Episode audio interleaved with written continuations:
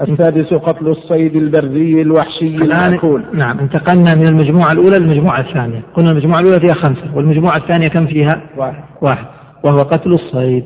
قتل الصيد. ما هو الصيد الذي يحرم قتله على المحرم؟ الحيوان الذي توفرت فيه ثلاثة شروط.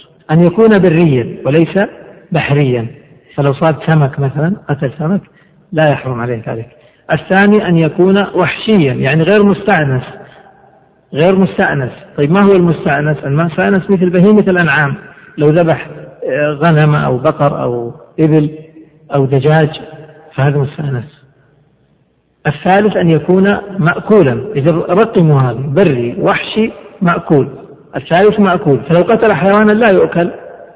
كالكلب أو كالأسد أو كالهرة فإنه هذا ليس بصيد. إذا الذي يحرم عليه الصيد المحرم ما توفرت فيه هذه ثلاثة الشروط.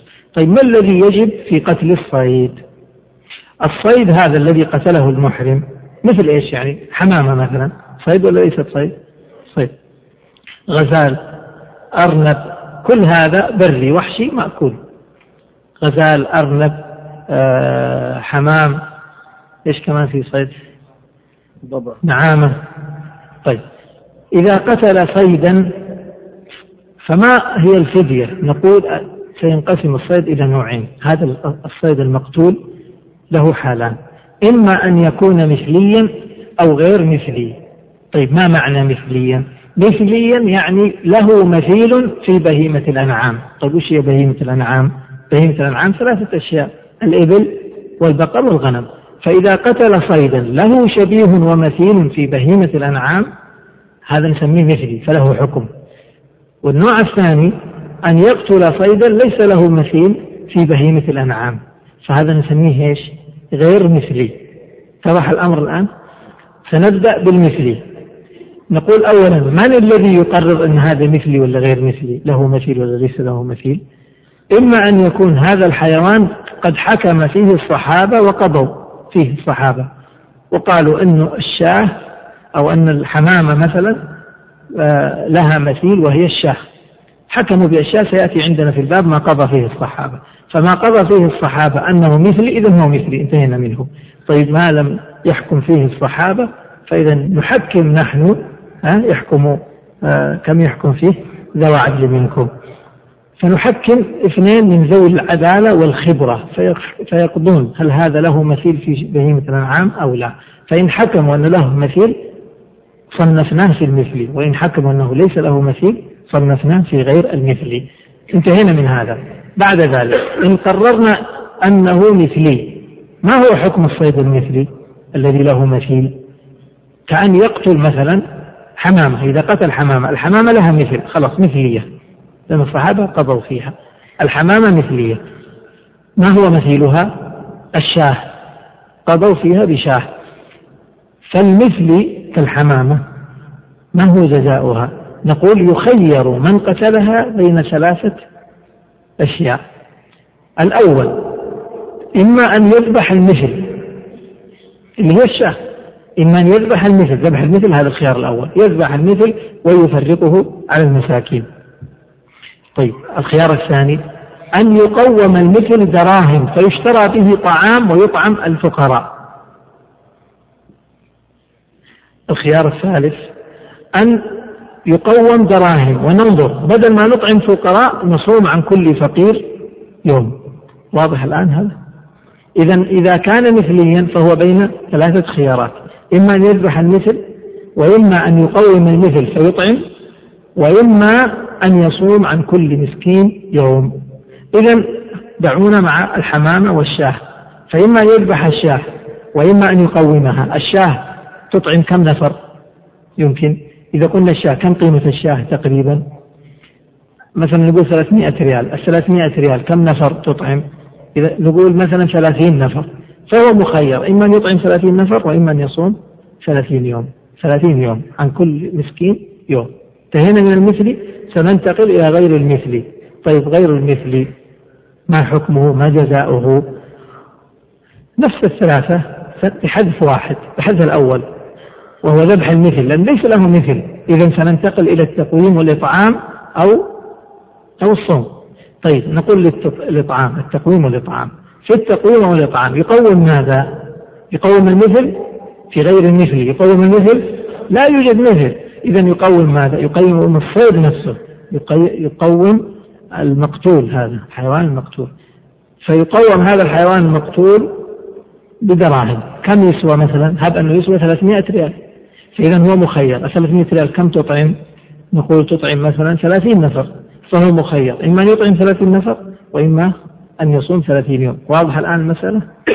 طيب. انتقل الآن. عقد النكاح. المجموعة الثالثة وش هي؟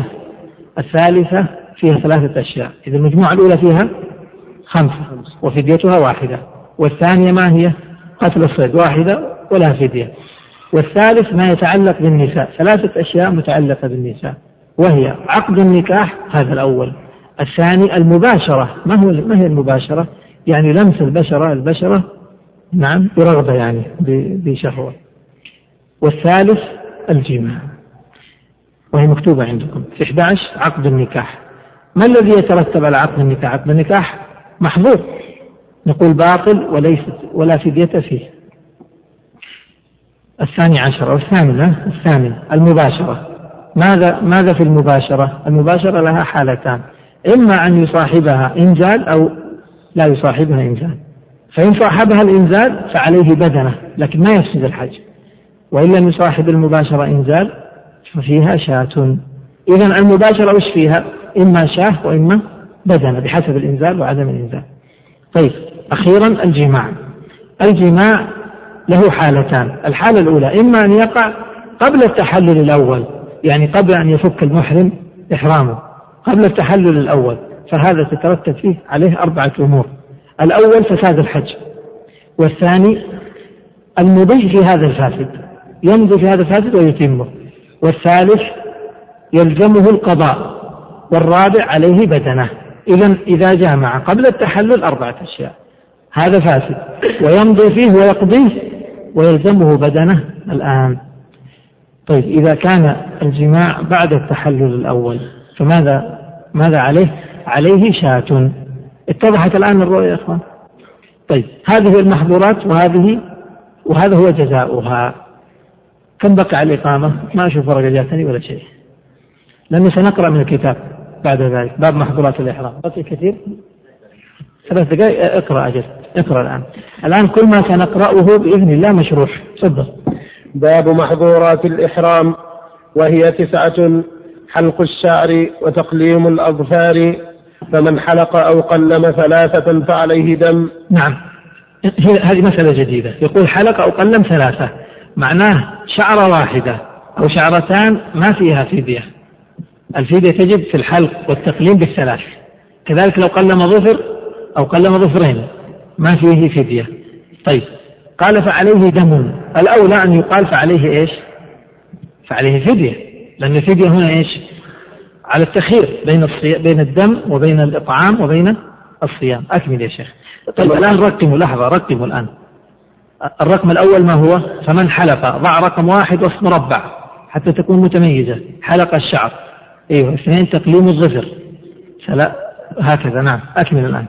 ومن غطى رأسه بملاصق فدا. غطى رأسه ضع ثلاثة وسط مربع متميز. من غطى رأسه بملاصق فدا. قول المصنف فدا الآن ما في إشكال واضح. يعني مخير ثلاث إطعام وصيام. إطعام كم؟ ستة مساكين أو صيام ثلاثة أيام أو ذبح شاه الرابع وإن لبس ذكر مخيطا. ضع رقم أربعة. واقرأ. وإن لبس ذكر مخيطا فدا. نعم. وإن طيب بدنه أو طيب بدنه ضع خمسة. طيب بدنه. الآن سيذكر صور للطيب للتطيب. أكمل الآن. وإن طيب؟ وإن طيب بدنه أو ثوبه أو ادهن بمطيب أو شم طيبا أو تبخر بعود ونحوه فدا نعم. هذه كلها صور للمحظور الخامس اللي هو التطيب.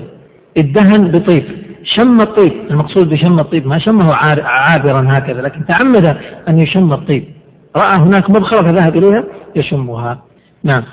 ارتبط نعم. وإن قتل صيدا هذا رقم كم؟ ستة. ضع رقم ستة. وإن قتل صيدا إيه؟ مأكولا بريا أصلا. نعم. ولو تولد منه ومن غيره. نعم. لا لا قف علينا قليلا. قال صيدا مأكولا. هذا شرط. إحنا قلنا الصيد شروطه ثلاثة. مأكول بري. إيش اللي باقي؟ وحشي. وحشيا. وسيأتي بعد بعد ذلك يعني اشتراطه. ما ذكره المصنف لكن يذكره بعد ذلك. يمكن نضيف ثالث نقول ووحشيا.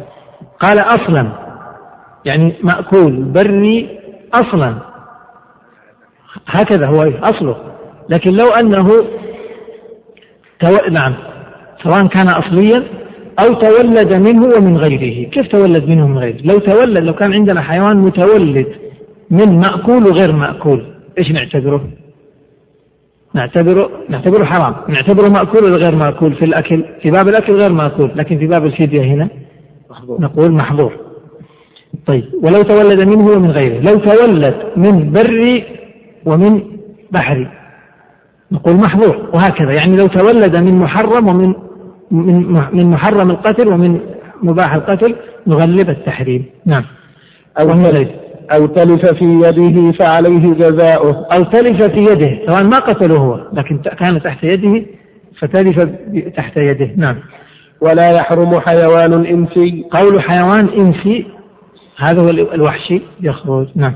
يعني معناه أنه يشترط الوحشي ولا صيد البحر. الآن رقموا التي لا تحرم. قال ولا يحرم حيوان إنسي هذا واحد. ولا صيد البحر هذا اثنين. ولا, ولا قتل محرم الأكل. هذا ثلاثة. لو قتل هرة أو قتل كلبا لا يحرم. نعم. ولا الصائل. هذا الرابع. الصائل يعني الحيوان لو صال عليك اعتدى عليك فتقتله. هنا لو قتلته لا حرج عليك. نعم. ويحرم عقد نكاح. وهذا السابع. رقم سبعة مربع عقد النكاح. هذا من المجموعة الكم الآن؟ دخلنا في الثالثة. نعم. ولا يصح ولا فدية. يعني لا يصح العقد ولا فدية. ما معنى لا يصح؟ لو عقد المحرم على امرأة لا يصح. يعني هذه المرأة تصبح زوجة ولا غير زوجة؟ أجنبية. ما ينبني عليه شيء. يقول لا يصح ولا فدية. نعم. وتصح الرجعة. الرجعة كيف؟ هب أنه طلق الزوجة ثم أحرم. فلما أحرم رق قلبه. فقال رددت امرأتي إلى عصمتي. رد الزوجة الآن. يصح ولا ما يصح؟ رد وهو محرم. إيش قال المصنف؟ يصح. طيب لماذا أصحه صح الرجعة. قالوا لأن الرجعة ليست إنشاء عقد جديد وإنما هي إمساك لعقد قديم. فلذلك صحت الرجعة لأن ليست عقدا جديدا. نعم. وإن جامع قبل التحلل الأول فسد نسكهما. قف. دخلنا في المحظور الكم الآن؟ ثامن. الثامن. ضع إذا رقم ثمانية. جامع رقم ثمانية. وصف مربع. قبل التحلل الأول ما الذي يترتب عليه؟ الآن نرقم ما يترتب عليه. واحد فسد نسكهما. معليش معليش. يعني هو قدم التاسع واللي إحنا اللي غلطنا وأخرنا الثاني يوم ويمضيان فيه هذا رقم كم؟ اثنين. معناه أنه إذا جامع قبل التحلل الأول سيفسد النسك هذا اولا. ويمضي فيه هو والزوجة هذا ثانيا. ويقضيانه ثاني عام. يقضيانه ثاني عام هذا الثالث. إيش بقي؟ ما ذكر المصنف؟ البدنة البدنة. اكتب وعليه بدنة. وسيأتي ذكرها بعد ذلك وما تركها المصنف لكن ما ذكرها هنا ذكرها في موضع آخر. اذا أضف أربعة وعليه بدنة.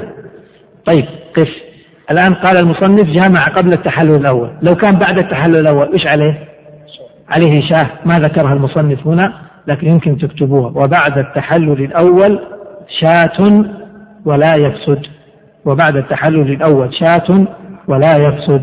يعني لا يفسد الحج الآن واضح يا إخوان حكم الجماع؟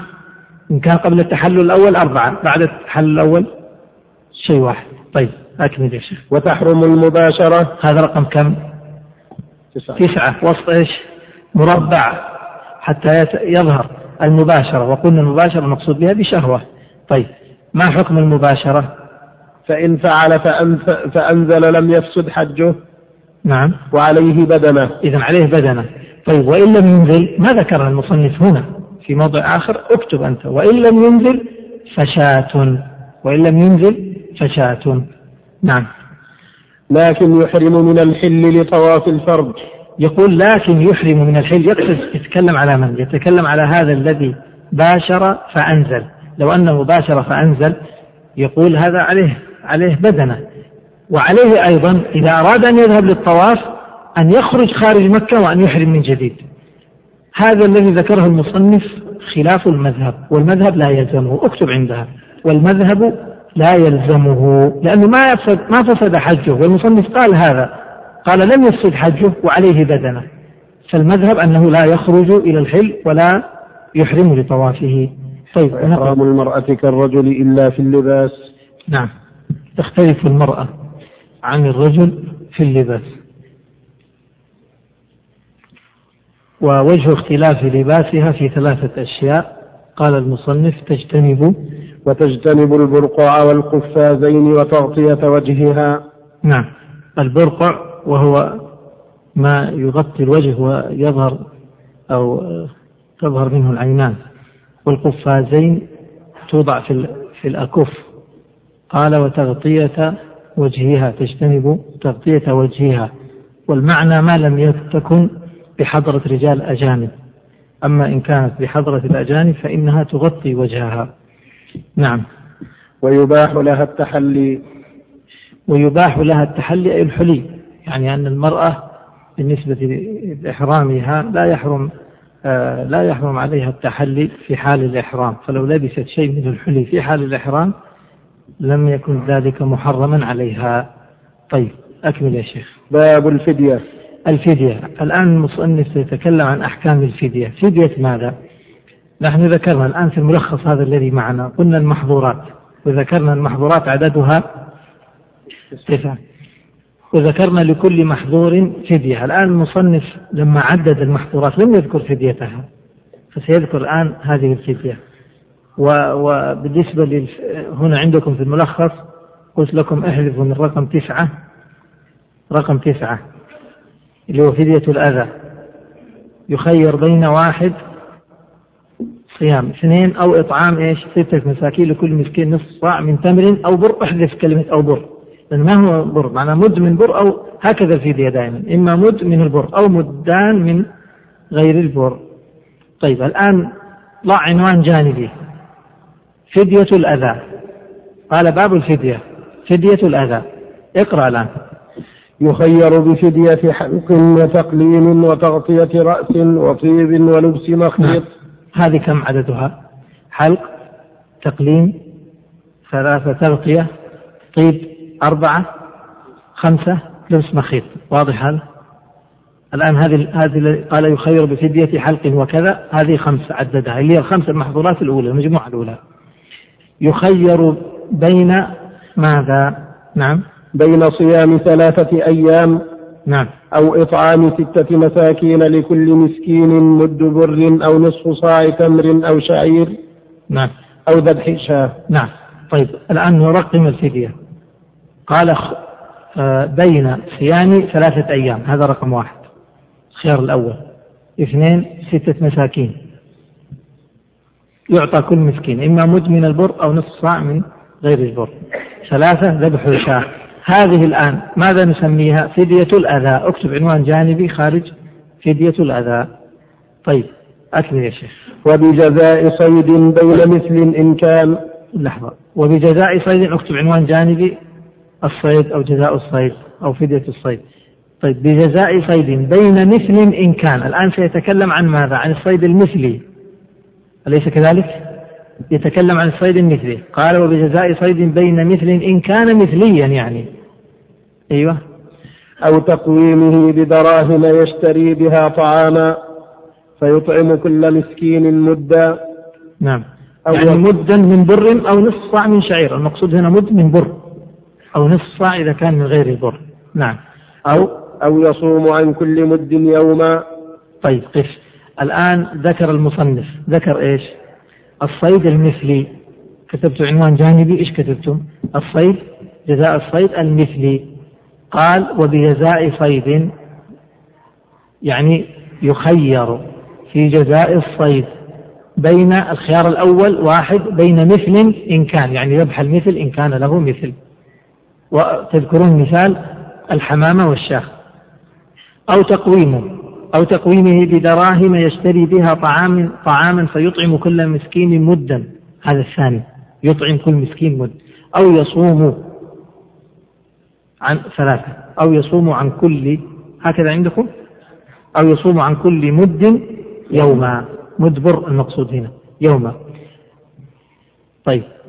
انتقل المصنف إلى الصيد غير المثلي قال وبما وبما لا مثل له بين إطعام وصيام. بين إطعام وصيام. بين إطعام كيف الإطعام سيكون؟ الإطعام بعد تقويم ماذا؟ بعد تقويم من الصيد. فيطعم يشتري به طعام. أو صيام يعني يصوم بدل كل مسكين يصوم يوما طيب انتهينا الآن من الصيد. انتقل. انتقل الآن إلى دم المتعة والقران. نعم. وأما دم متعة وقران فيجب الهدي. طيب يجب الهدي وقلنا الهدي هذا الهدي الواجب يأكل منه وهو هدي شكر لله سبحانه وتعالى. طيب الهدي سيكون شاه هذا هو أقله نعم فإن عدمه فإن عدمه فصيام ثلاثة أيام. نعم. والأفضل كون آخرها يوم عرفة. نعم. وسبعة إذا رجع إلى أهله. معناه أن دم المتعة والقران شاه. فإن عدم هذه الشاة انتقل إلى صيام عشرة أيام ثلاثة أيام في الحج وسبعة أيام إذا رجع إلى أهله. نمشي مع كلام المصنف. قال فيجب الهدي فإن عدمه فصيام ثلاثة أيام. والأفضل متى يصوم الثلاثة الأيام؟ ثلاثة أيام في الحج. طيب متى تكون في الحج؟ قال الأفضل كون آخرها يوم عرفة. معناه سيصوم متى؟ في اليوم السابع والثامن والتاسع. طيب. وعنه الأفضل أن يكون آخرها يوم التروية وعنه يوم التروية يعني بدل يوم عرفة يوم التروية معناه يصوم السادس والسابع والثامن. قال وسبعة إذا رجع إلى أهله يعني بعد فراغ منى بعد منى وفراغه من أعمال الحج يصوم السبعة الأيام الباقية. انتقل المصنف إلى الإحصار نعم فدية الإحصار أكمل. والمحصر إذا لم يجد هديا صام عشرة ثم حل. يصوم عشرة أيام ثم يحل من إحرامه. انتقل الآن إلى فدية الوطء اكتبوا هذه العناوين. عند دم المتعة والقران دم متعة والقران. وهو المحصر عند قوله المحصر يصير إيش؟ الإحصار فدية الإحصار. والآن قال ويجب الوطئ هذه تكتب عندها فدية الوطئ. أكمل. ويجب بوطء في فرج في الحج بدنة وفي العمرة شاة. يعني لو جامع في الحج فعليه بدنة. إذا جامع في الحج عليه بدنة إيش معنى هذا الكلام؟ معناه عليه بدنة إذا كان قبل التحلل الأول قلنا البدنة مع إيش؟ في أشياء ثانية فساد الحج إيش؟ المضي فيه والقضاء. طيب قال وفي العمرة شاه. نعم. وإن طاوعته زوجته لزماها. يعني ما الذي يلزمها؟ يلزمها الفدية أيضا إذا كانت هي أيضا مطاوعة لهذا. نعم. بخلاف المكره أما المكره ف... فلا. نعم. فصل ومن كرر محظورا. لا لحظة. الآن الآن في باب الفدية. كم فدية عندنا مرت؟ خمس. فدية الأذى كتبت هذا ولا لا؟ نعم. فدية الأذى هذا واحد. والصيد هذا الثاني. والمتعة والقران الثالث. والإحصار الرابع. والوطأ الخامس. أكمل الآن. نعم المتعة مثل القران القرآن يعني. إيه يصوم عشرة عليه القران تم المتعة والقران يوجب الهدي. فإن عدم الهدي انتقل إلى صيام عشرة أيام. سبعة بعد الحج وثلاثة في الحج نعم. طب أنه ما صام في أيام الحج الثلاثة هذا معناه يصوم العشرة كلها متى؟ بعد الحج. لكن يكون ترك واجب. ما هو الواجب؟ أنه في ثلاثة أيام لم يصمها في وقتها وفي زمنها. فيصير عليه دم بالإضافة إلى الصوم. دم دم لترك الواجب. طيب يا شيخ أكمل الآن. فصل. ومن كرر محظورا من جنس ولم يفد فدا مرة بخلاف صيد. كيف؟ إذا كرر محظور واحد يقول من جنس واحد ولم يفدي بينهما. من جنس واحد مثلا تغطية رأس كرر تغطية الرأس كرر غطى الرأس ثم غطى ثم خلع ثم غطى. تكرر هذا المحظور مرات. هذا التكرار إما أن يتخلله تتخلله الفدية أو لا تتخلله. واضح هذا إذا لم تتخلله الفدية يعني غطى رأسه مرات كم فدية؟ نقول فدية واحدة. طيب. إذا تخللته الفدية كيف؟ يعني غطى رأسه ثم استغفر الله وذهب وكفر. عليه فدية ولا لا؟ وش الفدية؟ دم؟ يذبح دم على طول؟ ولا مخير ها مخير. فأطعم ستة مساكين مثلا وغطى. هل الفدية الأولى تكفي؟ لا ما تكفي. إذا قول المصنف من كرر من جنس يعني محظورا من جنس ولم يفدي فدى مرة واحدة. قال بخلاف الصيد كيف بخلاف الصيد يعني لو كرر قتل الصيد يعني قتل الصيد الأول ثم الثاني ثم الثالث فيصير كم كفارة؟ ما يقول هذا محظور واحد تكرر كل صيد له كفارته. أكمل يا شيخ. ومن فعل محظورا من أجناس فدى لكل مرة. نعم فدى لكل مرة إذا كان من أجناس كيف؟ تطيب وغطى رأسه ولبس مخيطا. كم فدية؟ ثلاثة. ثم حلق شعره وقلم ظفره صارت كم؟ خمس فديات نعم. طيب غطى رأسه مرتين وحلق من شعره ثلاث مرات ولبس مخيطا مرة واحدة. كم فدية؟ ثلاثة. والمتكرر تتداخل. طيب أكمل يا شيخ.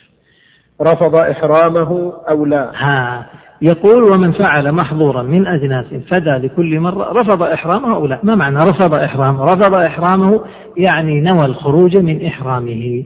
يقول حتى لو نوى الخروج من إحرامه أو ما نوى فعليه الفدية. ما صورة ذلك؟ هذه المسألة. لو أن إنسان أحرم ثم بعد ذلك بدا له بعد إحرامه أن يترك الإحرام. وقال خلاص أنا ما عاد بحج رفض الإحرام. ترك الإحرام. نوى الخروج من الإحرام. يخرج من الإحرام ولا ما يخرج؟ ما يخرج بهذه النية. هذه ما صلاة يقطعها بالنية ولا ولا صوم يقطعه بالنية. يبقى محرم.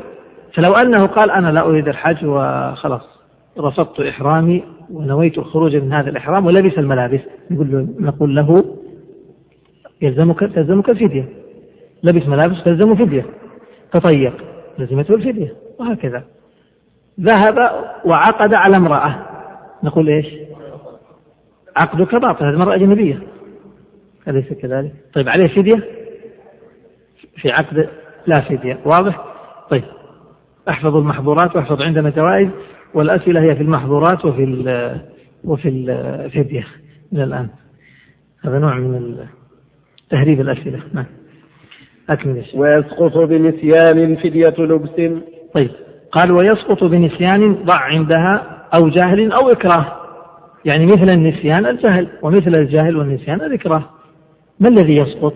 يقول النسيان والجهل والإكراه عذر في سقوط الفدية. في بعض المحظورات وليس في جميع المحظورات على طريقة المصنف. ما هي؟ قال ما هي المحظورات التي تسقط بالنسيان والجهل والإكراه؟ وأريدكم أن ترقموها.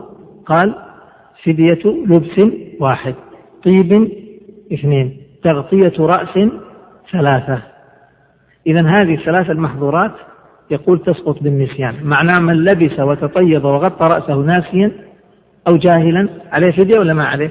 أي إذا إذا جاءك شخص وقال أنا تطيبت في إحرامي تقول عليك فدية ولا تسأله؟ تسأله كيف تطيبت؟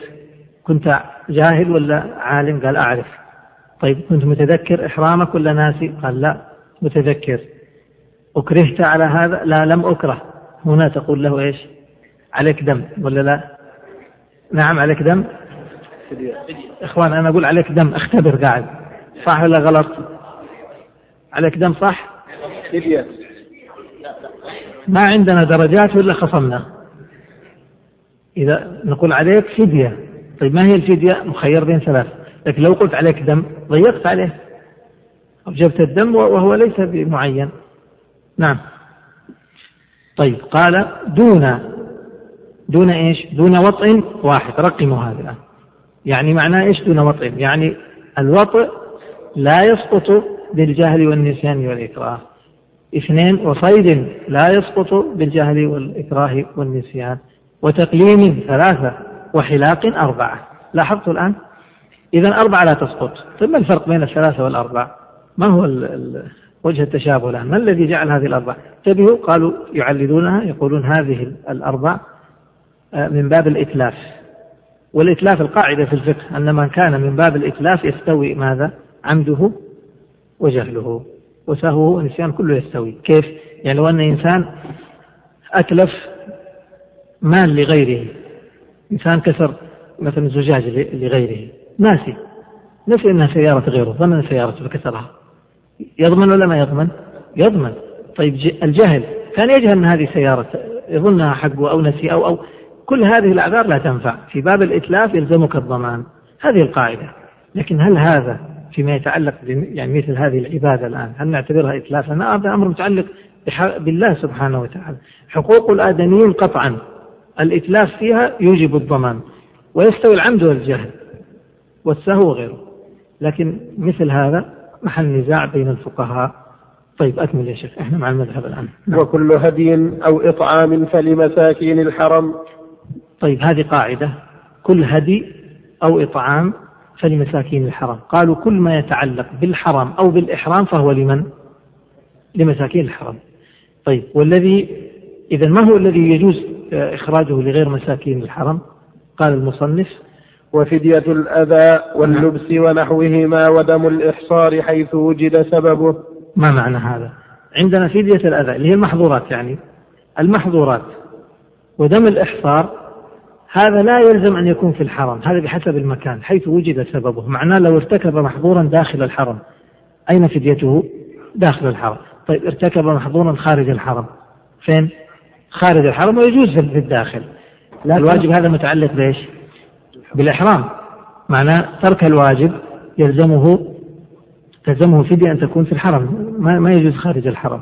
إذا لا يجوز خارج الحرم إلا هذا. ما هو؟ المحظور الذي يفعل خارج الحرم ودم الإحصار إذا كان خارج الحرم. هذا معناه هذا هو معناه. إذا كل ما يتعلق بالحرم أو الإحرام هو لمساكين الحرم. لو قتل صيدا في الحرم فيكون لمساكين الحرم. طيب دم المتعة والقران. هذا متعلق بإيش؟ الإحرام بالإحرام معناته معناه أنه يذبح في الحرم طيب ترك الواجب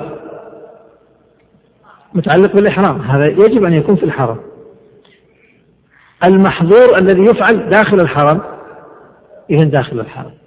إذا ما الذي يخرج من هذا؟ المحظور الذي يكون خارج الحرم أو دم الإحصار. أكمل يا شيخ. ويجزئ الصوم بكل, بكل مكان. حيث وجب الصوم إذا قلنا عليه عشر أيام ثلاثة الحج وسبعة إذا رجع هذا الحج الصيام ليس له مكان. ما نقول الصيام يجب أن يكون في الحرم لكن الإطعام والذبح هو الذي قد نوجبه في الحرم أو نوجبه خارج الحرم بخلاف الصيام. أكمل يا شيخ. والدم شاة. يعني قاعدة إذا قالوا دم فيريدون بها شاة هذا الخيار الأول أو أو سبع بدنة. نعم. وتجزئ عنها بقرة. يعني إما سبع بدنة أو سبع بقرة. أكمل يا شيخ.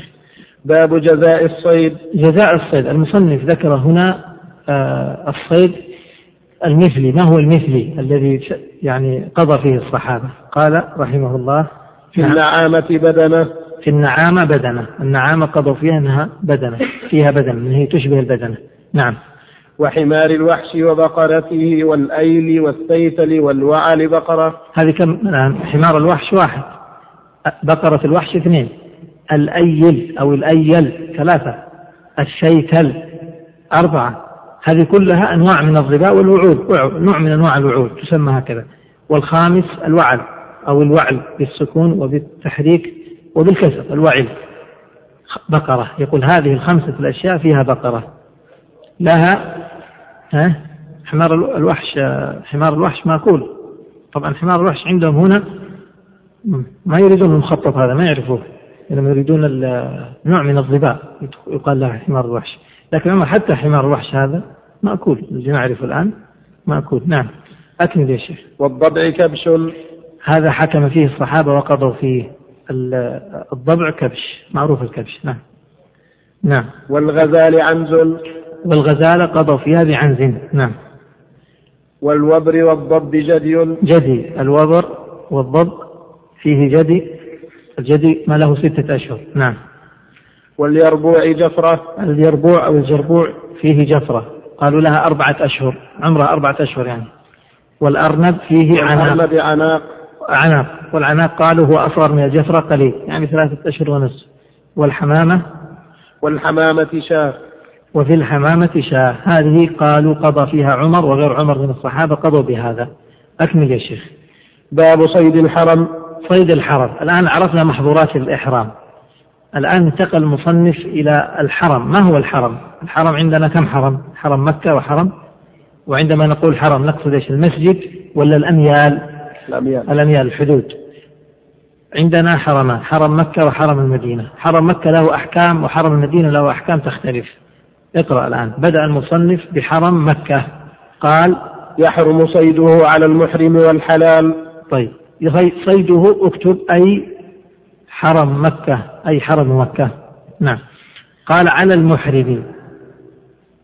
إذا ما يحرم في حرم مكة ما هو؟ أولا الصيد. يحرم صيد حرم مكة على المحرم ويحرم كذلك على الحلال. معناه الذي هو غير محرم لا يجوز له أن يقتل الصيد في مكة. الصيد مثل إيش؟ مثل الحمام. ما يقتل الحمام في مكة. طيب لو كان محرما وفي مكة؟ لا يحرم بسببين. طيب لو قتله نعم. لو قتله يعني فيه الجزاء ولا ما فيه الجزاء؟ هيا أكمل يا شيخ. وحكم صيده كصيد المحرم؟ حكم صيده صيد حرم مكة كصيد المحرم يعني فيه الجزاء. معناه انتبه لو أن محرما قتل شاة فيه فيها جزاء ولا ما فيها؟ فيها خارج الحرم أتكلم طيب حلال داخل الحرم قتل شاة فيها جزاء محرم دخل داخل الحرم وقتل شاة عليه جزاء ولا ما عليه؟ هو عليه ما في شك لكن كم جزاء؟ واحدة تتداخل واحدة فيه. نعم. ويحرم قطع شجره وحشيشه الأخضرين نعم إلا الإذخر إلا الإذخر الآن ما الذي يحرم من صيد مكة؟ عشان ينضبط الباب. الذي يحرم أولا واحد صيده. اكتب عند صيده رقم واحد. إذا يحرم. من حرم مكة ماذا؟ واحد أولا الصيد. انتهينا من هذا؟ وحكمه مثل حكم إيش؟ صيد المحرم. مثل صيد المحرم. طيب لو أن إنسان مثلا حفر بركة بير مثلا في مكة فظهر فيها سمك. ها يجوز ولا ما يجوز؟ لأنه لأن البحري حلال البحري حلال. طيب لو كان في مكة كذلك حلال.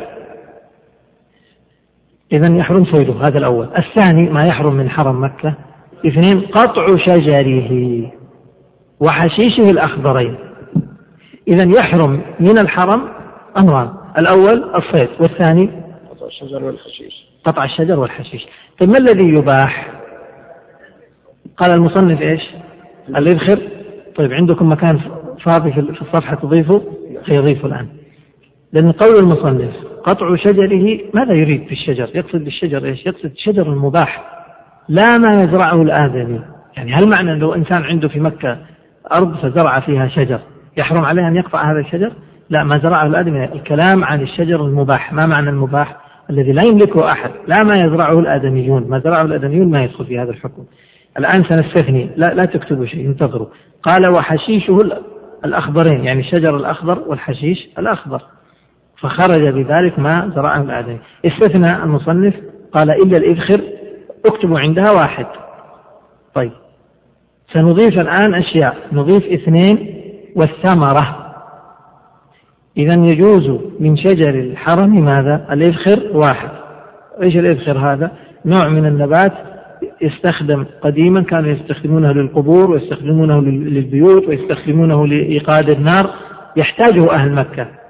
فاستثناه النبي صلى الله عليه وسلم بطلب العباس. طيب إذا إلا الإذخر واحد والثمرة اثنين. هذا الموضوع مهم اكتبوه لأنه يعني يلتبس على الناس. ما الذي يحرم من الحرم وما الذي ما يحرم.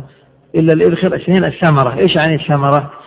الشجرة لو أن شجرة مباحة نبتت من نفسها في مكة تثمر. نقول ما يجوز قطعها لكن يجوز نأكل ثمرها ولا ما يجوز؟ يجوز أخذ ثمرها. طيب إذا إلا الثمرة. الثمرة اثنين. ثلاثة واليابس. كيف اليابس؟ قال الأخضرين.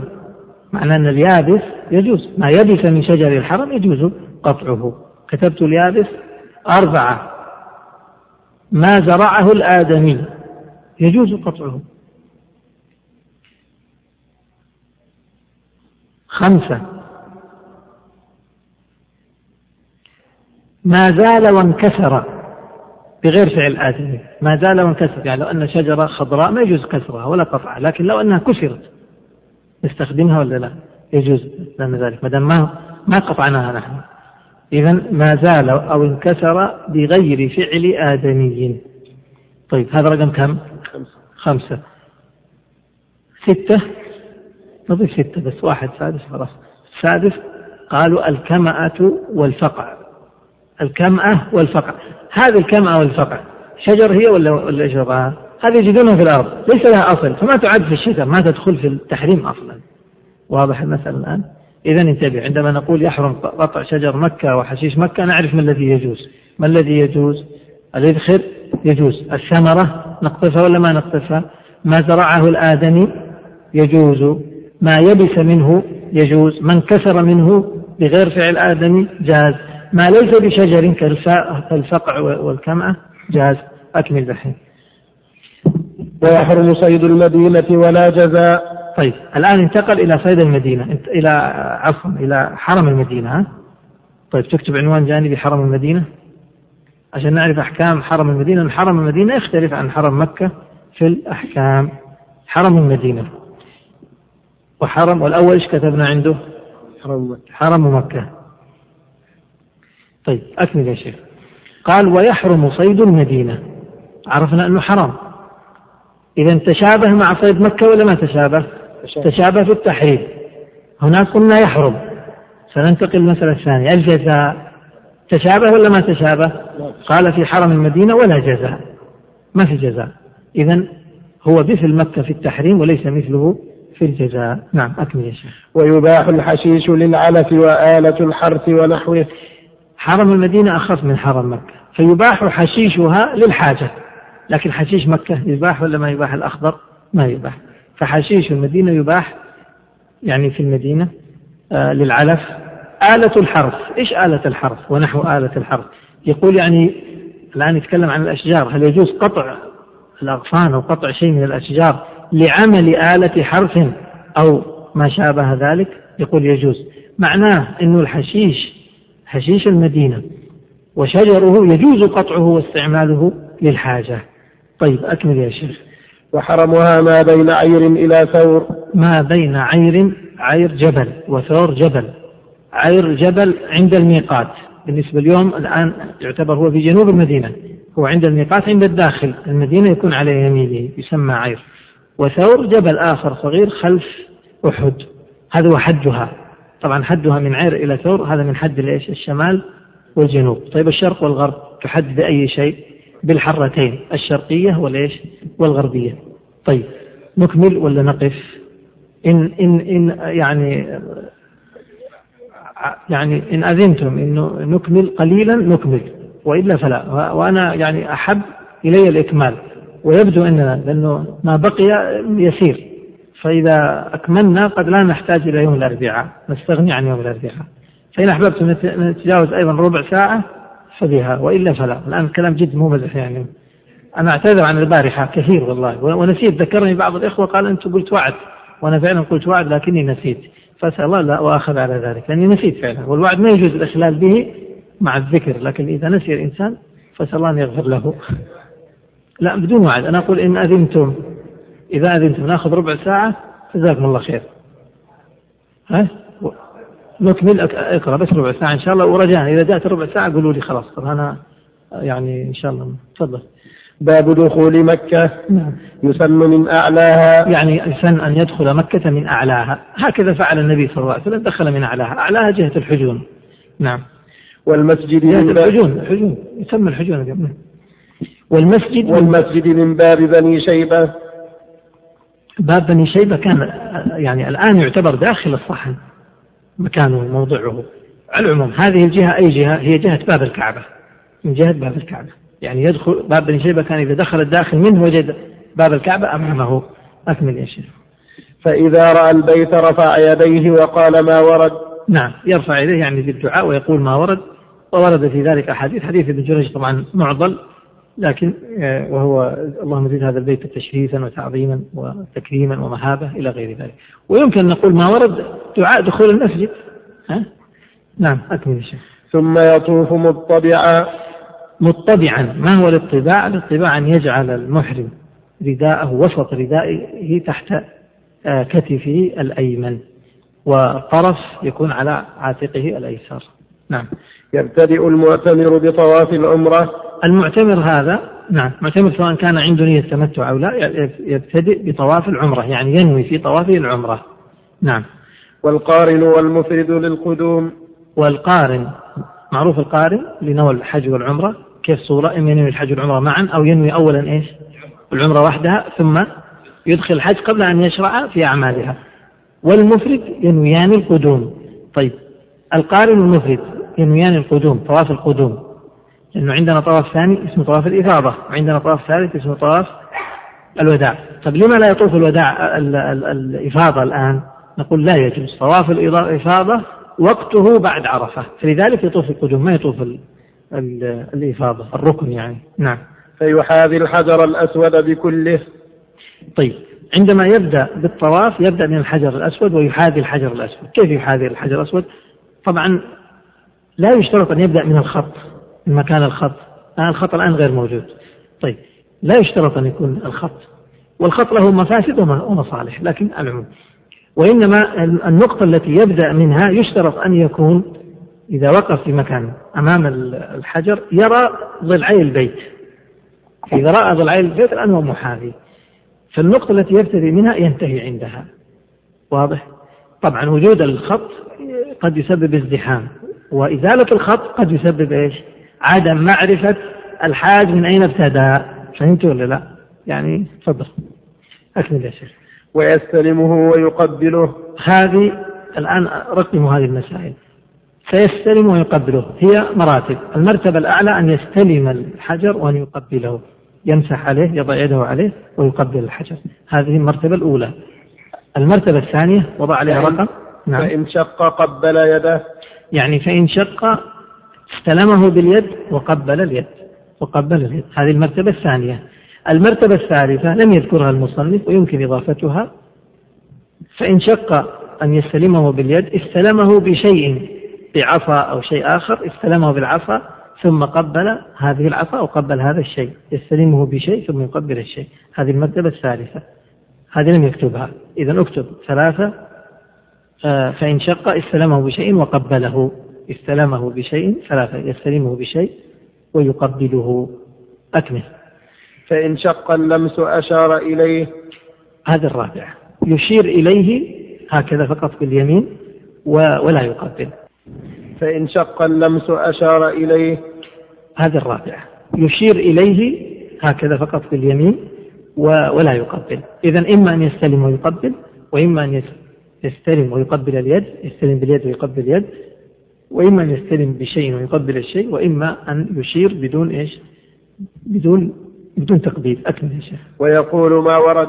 نعم. ويقول ما ورد آه اللي هو بسم الله آه الله أكبر. بسم الله والله أكبر. نعم. ويجعل البيت عن يساره. يعني في الطواف يجعل البيت عن يساره آه في طوافه ولا يطوف آه منكسا. نعم. ويطوف سبعة. سبعة أشواط. نعم. يرمل الأفقي في هذا الطواف ثلاثا ثم يمشي أربعة يستل... نعم. يطوف سبعا. يقول يرمل الأفقي. من هو الأفقي؟ الأفقي من جاء من خارج الحرم مسافة كم؟ مسافة قصر. جاء من بعيد من مكة. هذا هو الأفقي. الأفقي إذا جاء معناه هذا أول طواف له في فيرمل فيه قال يرمل الأفقي في هذا الطواف ثلاثة يعني ثلاثة أشواط الثلاثة أشواط الأولى. يرمل ماذا ما معنى يرمل؟ يعني يسرع الخطى هرولة مسارعة الخطى الإسراع في المشي مع تقارب الخطى. هذه هي أو هذا هو الرمل. إذا رمل في أشواطه الثلاث يرمل من فين إلى فين؟ من الحجر لحجر يعني كامل الشوط إذا سيرمل ثلاثة أشواط متصلة. ثم يمشي أربع الأربعة الأخيرة يمشي فيها. نعم. يستلم الحجر والركن اليماني كل مرة. نعم. سيستلم طبعا بالطريقة التي مضت. إن استطاع أن يستلم ويقبل وإن استطاع أن يستلم باليد ويقبل اليد أو بشيء ويقبل الشيء أو يشير. الركن اليماني إما أن يستلم فقط وإما أن إيش؟ المذهب يشير. لكن هذه الإشارة لم ترد. فالمذهب يقول يشير على اليماني والظاهر أنه لا يشير. طيب أكمل. ومن ترك شيئا من الطواف الآن سيذكر ما هي الأشياء التي تبطل الطواف مبطلات الطواف رقموها. مبطلاته مبطلاته يعني مبطلات الطواف.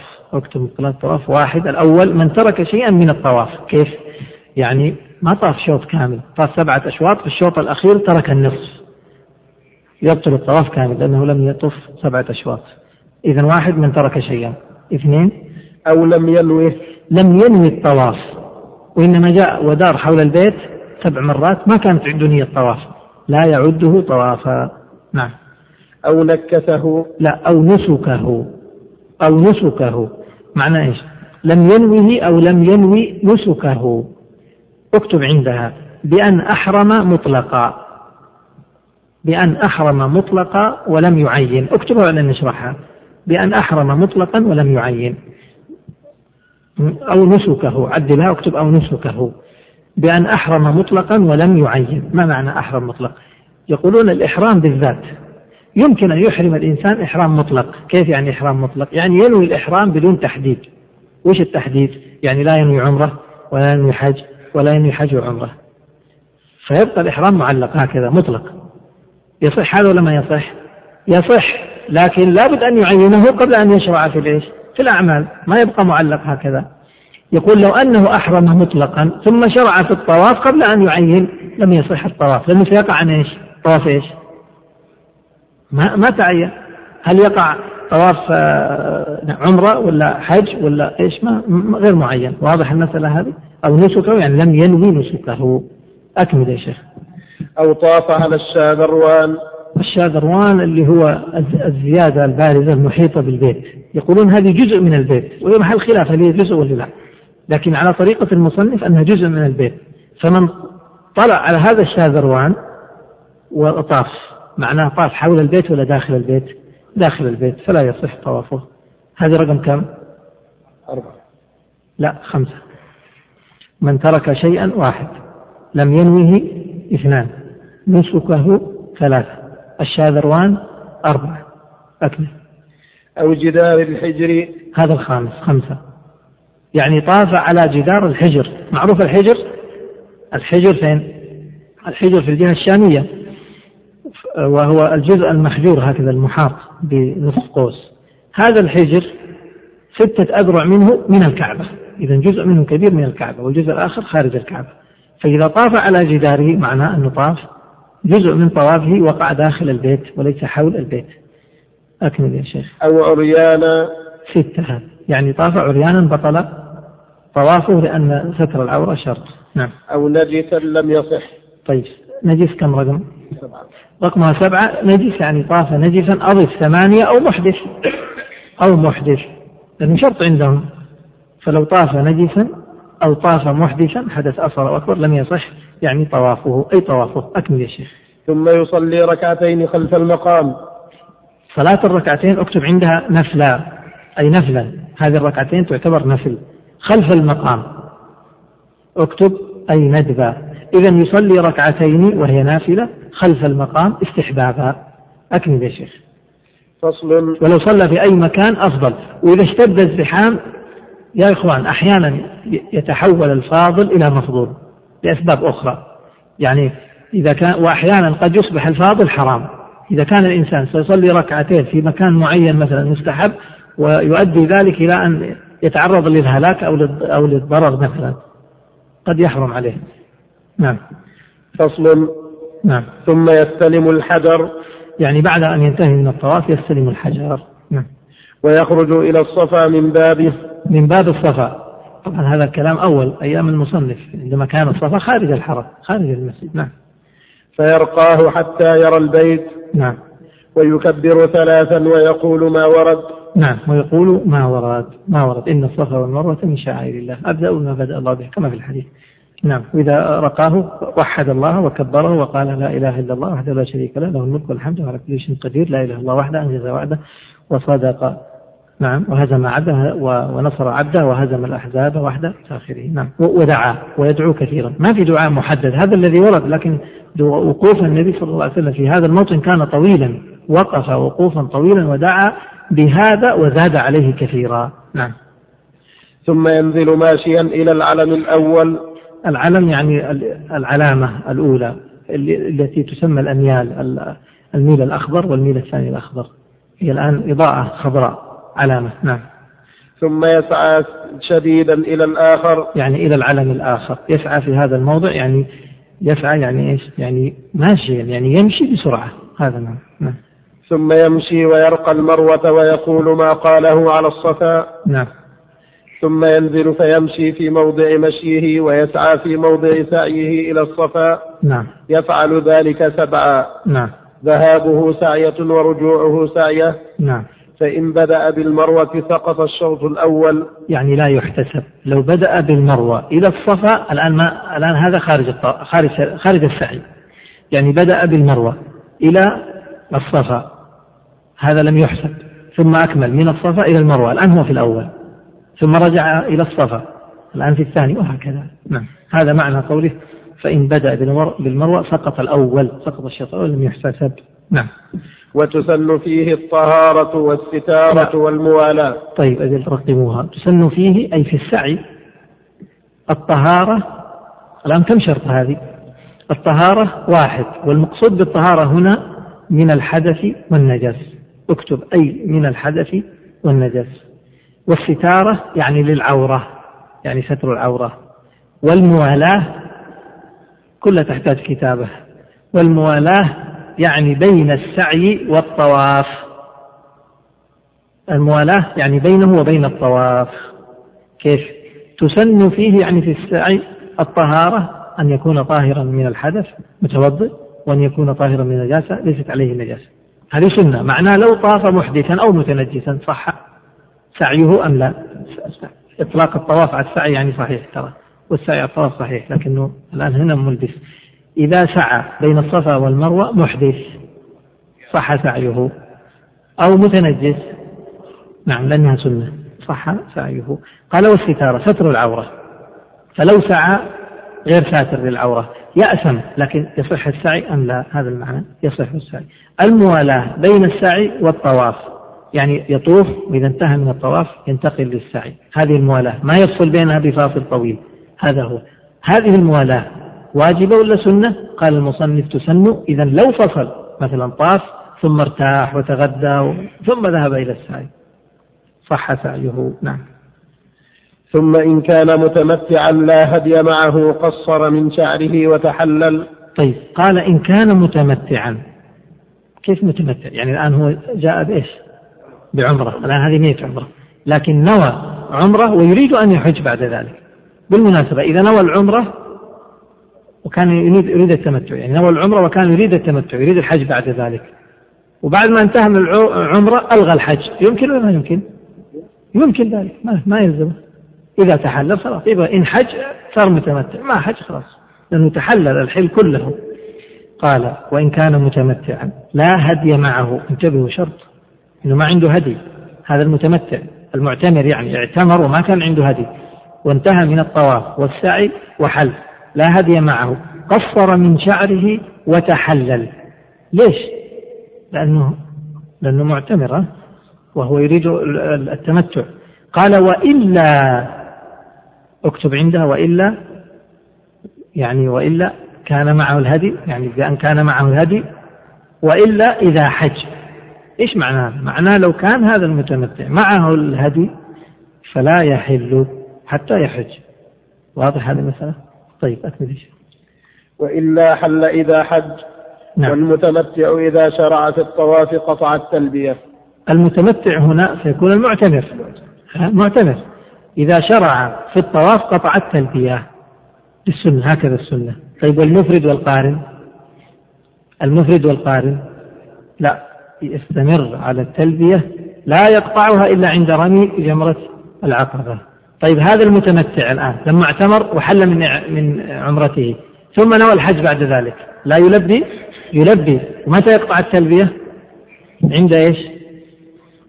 عند رمي جمرة العقبة ونقف قال المصنف رحمه الله تعالى باب صفة الحج والعمرة. يسن للمحلين بمكة الإحرام بالحج يوم التروية قبل الزوال منها. بسم الله الرحمن الرحيم. الحمد لله رب العالمين والصلاة والسلام على أشرف الأنبياء والمرسلين نبينا محمد وعلى آله وصحبه أجمعين. أما بعد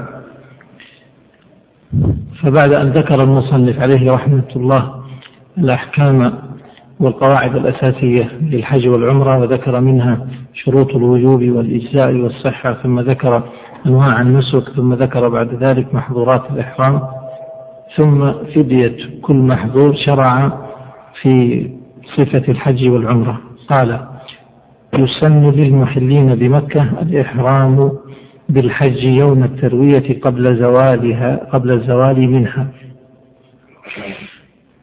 قال يسن للمحلين بمكة من كان محلا بمكة من كان محلا بمكة آه مثل إما أن يكون متمتع يعني قد دخل مكة واعتمر وحل من من آه إحرامه وبقي في مكة وأدركه الحج. هذه صورة والصورة الثانية أن يكون من أهل مكة ولم يحج أصلا. قال يسن للمحلين بمكة الإحرام بالحج يوم التروية قبل الزوال يعني قبل الظهر منها أي من مكة. نعم.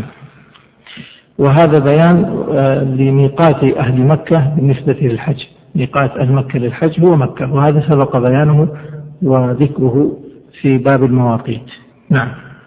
قال ويجزئ من بقية الحرم. بقية الحرم يعني ما كان خارج مكة وهو من الحرم. يجزئ لأن مكة والحرم شيئان. مكة هي البيوت المدينة والحرم أوسع منها. فالحرم يشمل مكة ويشمل آه، غير مكة. فمثلا عرفة ليست من الحرم طبعا. بالنسبة لمزدلفة من الحرم وبالنسبة لمنى من الحرم ومناطق كثيرة محيطة بمكة هي ليست من مكة ضواحي خارج مكة آه، لكنها من الحرم لكن اليوم يعني اختلفت الأمور لأن مكة توسعت فجزء من مكة أصبح خارج الحرم. فالآن أصبح بين مكة والحرم عموم وخصوص وجهي. يعني مكة أصبح جزء منها داخل الحرم وجزء منها خارج الحرم. يعني في الحل وهو من جهة طريق المدينة في الأكثر يعني. والحرم أصبح جزء منه مكة وجزء منه ليس من مكة يعني خارج مكة. يقول وينزل من بقية الحرم. إذا بالنسبة لأهل مكة من كان مقيما في مكة فأراد الحج يوم التروية يحرم من مكة من البيوت أو أو يخرج من خارج مكة لكن لا يخرج خارج الحرم. أكمل يا شيخ. ويبيت بمنى. قال ويبيت بمنى وهذا يوم التروية وهو اليوم الثاني وهذا المبيت مستحب وليس من الواجبات. نعم. فإذا طلعت الشمس صار إلى عرفة. يعني في اليوم التاسع شمس اليوم التاسع. نعم. وكلها موقف إلا بطن عرنة وعرفة كلها موقف يعني يقف حيث شاء إلا بطن عرنة فإنه ليس بموقف. وبطن عرنة وادي بين عرفة وبين مزدلفة. يقال له عرنة هذا الوادي ليس من عرفة ولا يصح الوقوف فيه ليس موقف هو ليس موقف. إذا سيأتي عندنا سيأتي عندنا بين آه، مزدلفة ومنى بينهم أيضا واد آخر وهو محسر. نعم. ويسن أن يجمع بين الظهر والعصر. إذا يقف في عرفة في أي مكان لكن لا يقف في بطن عرنة نقول نحن عرنة ليس موقف.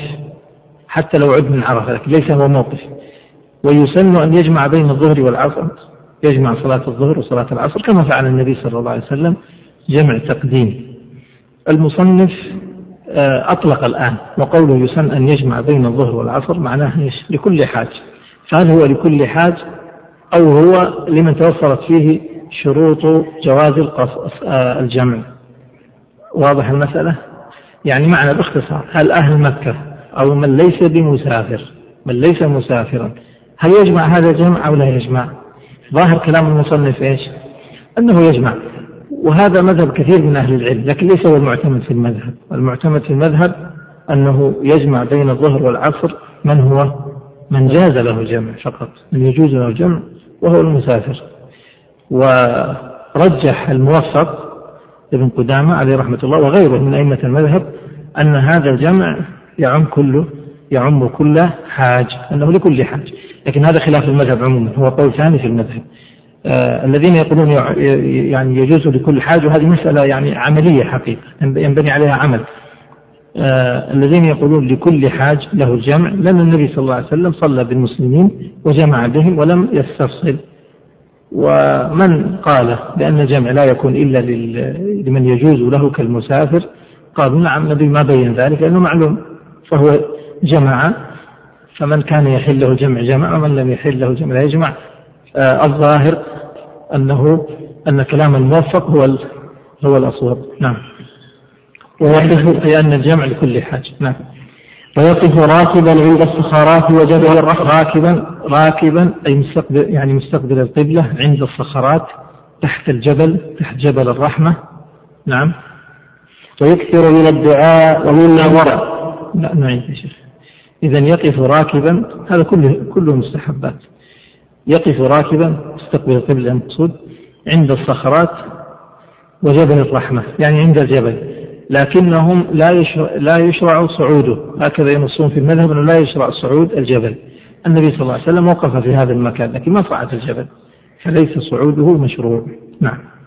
ويكثر من الدعاء ومما ورد. بما ورد. عندك ومما ورد؟ ومما ورد فيه. وبما ورد. إذا يكثر من الدعاء في هذا الموضع ويكثر من الدعاء بما ورد. ومما ورد لا إله إلا الله وحده لا شريك له له الملك والحمد. نعم. أفضل ما قلت أنا والنبيون من قبل لا إله إلا الله. نعم. ومن وقف ولو لحظة من فجر يوم عرفة إلى فجر يوم النحر. نعم. قال ومن وقف ولو لحظة. إذا الوقوف ليس له حد معين مقدار معين لا ينزل عنه. أقل وقوف ما يسمى وقوف هو الركن. طبعا قراءتنا الآن لصفة الحج لابد أن تكون مرتبطة بما مضى. ما هو الذي مضى؟ مضت أركان الحج. كم أركان الحج؟ ما هي الوقوف؟ بسرعة راجعها الإحرام ووقوف بعرفة. الطواف والسعي. طواف إيش؟ الإفاضة والسعي إيش؟ سعي الحج ما في غيره أصلا لكن الطواف هو الذي فيه غيره. في قبله طواف قدوم سنة وبعده طواف وداع واجب. الواجبات عددها سبعة. ما هي؟ الإحرام من الميقات. اثنين الوقوف بعرفة إلى الغروب لمن دخل في النهار. ثلاثة مبيتان ثلاثة وأربعة مبيتان مبيت في منى ومبيت في مزدلفة. خمسة وستة أعمال تعمل في منى وهي رمي الجمار والحلقة والتقصير. والسابع والأخير يعمل في مكة عند الانصراف وهو طواف الوداع لغير المكيين مر إذا هذه مهمة الآن. طبعا بالنسبة للمحظورات ليس هذا موضوعها لكن افترض تكونوا حافظينها. حفظتوا المحظورات؟ المجموعة الأولى كم؟ خمسة وفيها كم فدية؟ فدية واحدة. ما فيها ثلاث فيها فدية واحدة وهي على التخيير بين ثلاث. والمحظورة الثانية المجموعة الثانية ما هو؟ قتل الصيد. والمجموعة الثالثة ما هي؟ متعلقة بالنساء. ما هي؟ عقد مباشرة. طيب. قال ومن وقف ولو لحظة. هذا أقل مقدار يتحقق به الركن. من وقف أكثر الركن تحقق بأقل فإذا زاد فكان أفضل. قال من فجر يوم عرفة إلى فجر يوم النحر. هذا ما هو اكتب عنده هذا وقت الوقوف. إذا عندما نقول الوقوف بعرفة ركن. المقصود الوقوف بعرفة متى؟ في أي ساعة يشاء الإنسان في وقته في الوقت المحدد. ما هو الوقت المحدد؟ الوقت المحدد قلنا من فجر يوم عرفة إلى فجر يوم النحر. يعني كم ساعة؟ 24 ساعة. هذا هو المذهب. خلافا للجمهور والجمهور يقولون لا وقت الوقوف يبدأ من بعد الزوال كما فعل النبي صلى الله عليه وسلم يقولون من بعد الزوال بعد الظهر طبعا هذا الخلاف اللي ينبني على إيش؟ يعني من وقف بعد الفجر مثلا وقف الساعة 9 صباح ساعة وانصرف آه الآن نريد الحكم الفقهي أولا أولا على المذهب ما هي المخالفة التي ارتكبها؟ ترك ماذا؟ ترك إيش؟ ترك واجب. ليش مترددين؟ ترك واجب. ما هو الواجب؟ أن يبقى إلى إلى الغروب. ترك واجبا فعليه يبطل حجه ولا عليه دم فقط. بالنسبة لخلاف الجمهور عند الجمهور يكون إيش؟ بالنسبة للوقفة الوقفة هذه وقف من الساعة التاسعة إلى الساعة العاشرة ثم خرج صباحا. ما وقف في وقت الوقوف لكن على المذهب وقف. نعم أكمل يا شيخ وهو أهل له صح حجه. لحظة. إذا قال اشترط أولا مقدار الوقوف. لابد أن يقف يحصل منه وقوف. ما هو المقدار؟ لحظة. انتقل ثانيا ذكر وقت الوقوف. قال من فجر يوم عرفة إلى فجر يوم النحر. الثالث قال وهو أهل له. يعني أهل لإيش؟ أهل الحج أو أهل هذا الوقوف. قول وهو أهل له هذه تحتاج إلى بيان. من هو الأهل له؟ اكتبوا عند الله يحفظكم. وهو أهل له هذا خمسة شروط فيه. الأهل من هو؟ لابد أن يكون مسلم. معناه لو وقف كافر. تكتبون أولا؟ أو, أو اكتبوا وأشرح. الأهل الأهل من هو؟ وهو أهل له. ضع عندها مثل رقم واطلع فوق أعلى الصفحة أو في مكان فاضي. آه وهو أهل له. أي واحد مسلم. فلو وقف كافرا ما صح. اثنين. محرم لو وقف غير محرم. وقف في عرفة وبعد ما ذهب مزدلفة أحرم بالحج. ما يصح. ما ما ما عد وقوف. ثلاثة إذا واحد إيش؟ مسلم. الثاني محرم بالحج طبعا. لو كان محرم بعمرة وقف ما صح حجه. ثلاثة ليس سكرانا. أربعة ولا مجنونا. خمسة ولا مغمى عليه. إذا لابد أن يقف بهذه الشروط الخمسة. يكون مسلم محرم ويكون أيضا ليس في حالة سكر ولا جنون ولا إغماء. هذا يصح وقفته أو يصح وقوفه. قال صح حجه ثم قال المصنف وإلا فلا. هذه قوله وإلا فلا. وإلا إيه؟ وإلا فيه محذوف هنا. ما, هي المحذوفات؟ المحذوف هنا ثلاثة أشياء. ثلاثة أشياء. وإلا ماذا؟ طيب. طيب انتبهوا. أقول وإلا ثلاثة أشياء محذوفة. تكتبوها اكتبوا عند وإلا وإلا يعني واحد إن لم يقف. واحد لم يقف. هذه الصورة الأولى لأنه قال ومن وقف بعرفة. أليس كذلك؟ معناه وإلا يعني وإن لم يقف بعرفة هب أنه خرج وقف في مزدلفة في وقت الوقوف. ما صح حجه إذا واحد إيش؟ لم يقف لم يقف بعرفة. هكذا لم يقف بعرفة عشان لا تنساها بعد شهر ولا بعد مدة تنساها. لم يقف بعرفة. اثنين قال سنخرج هذا من, كلامه. الله يحفظكم. لما قال من وقف بعرفة. هذا واحد. أو أنتم اسمع مني. رقموا الآن من قوله ومن وقف ولو لحظة. ضع عندها واحد.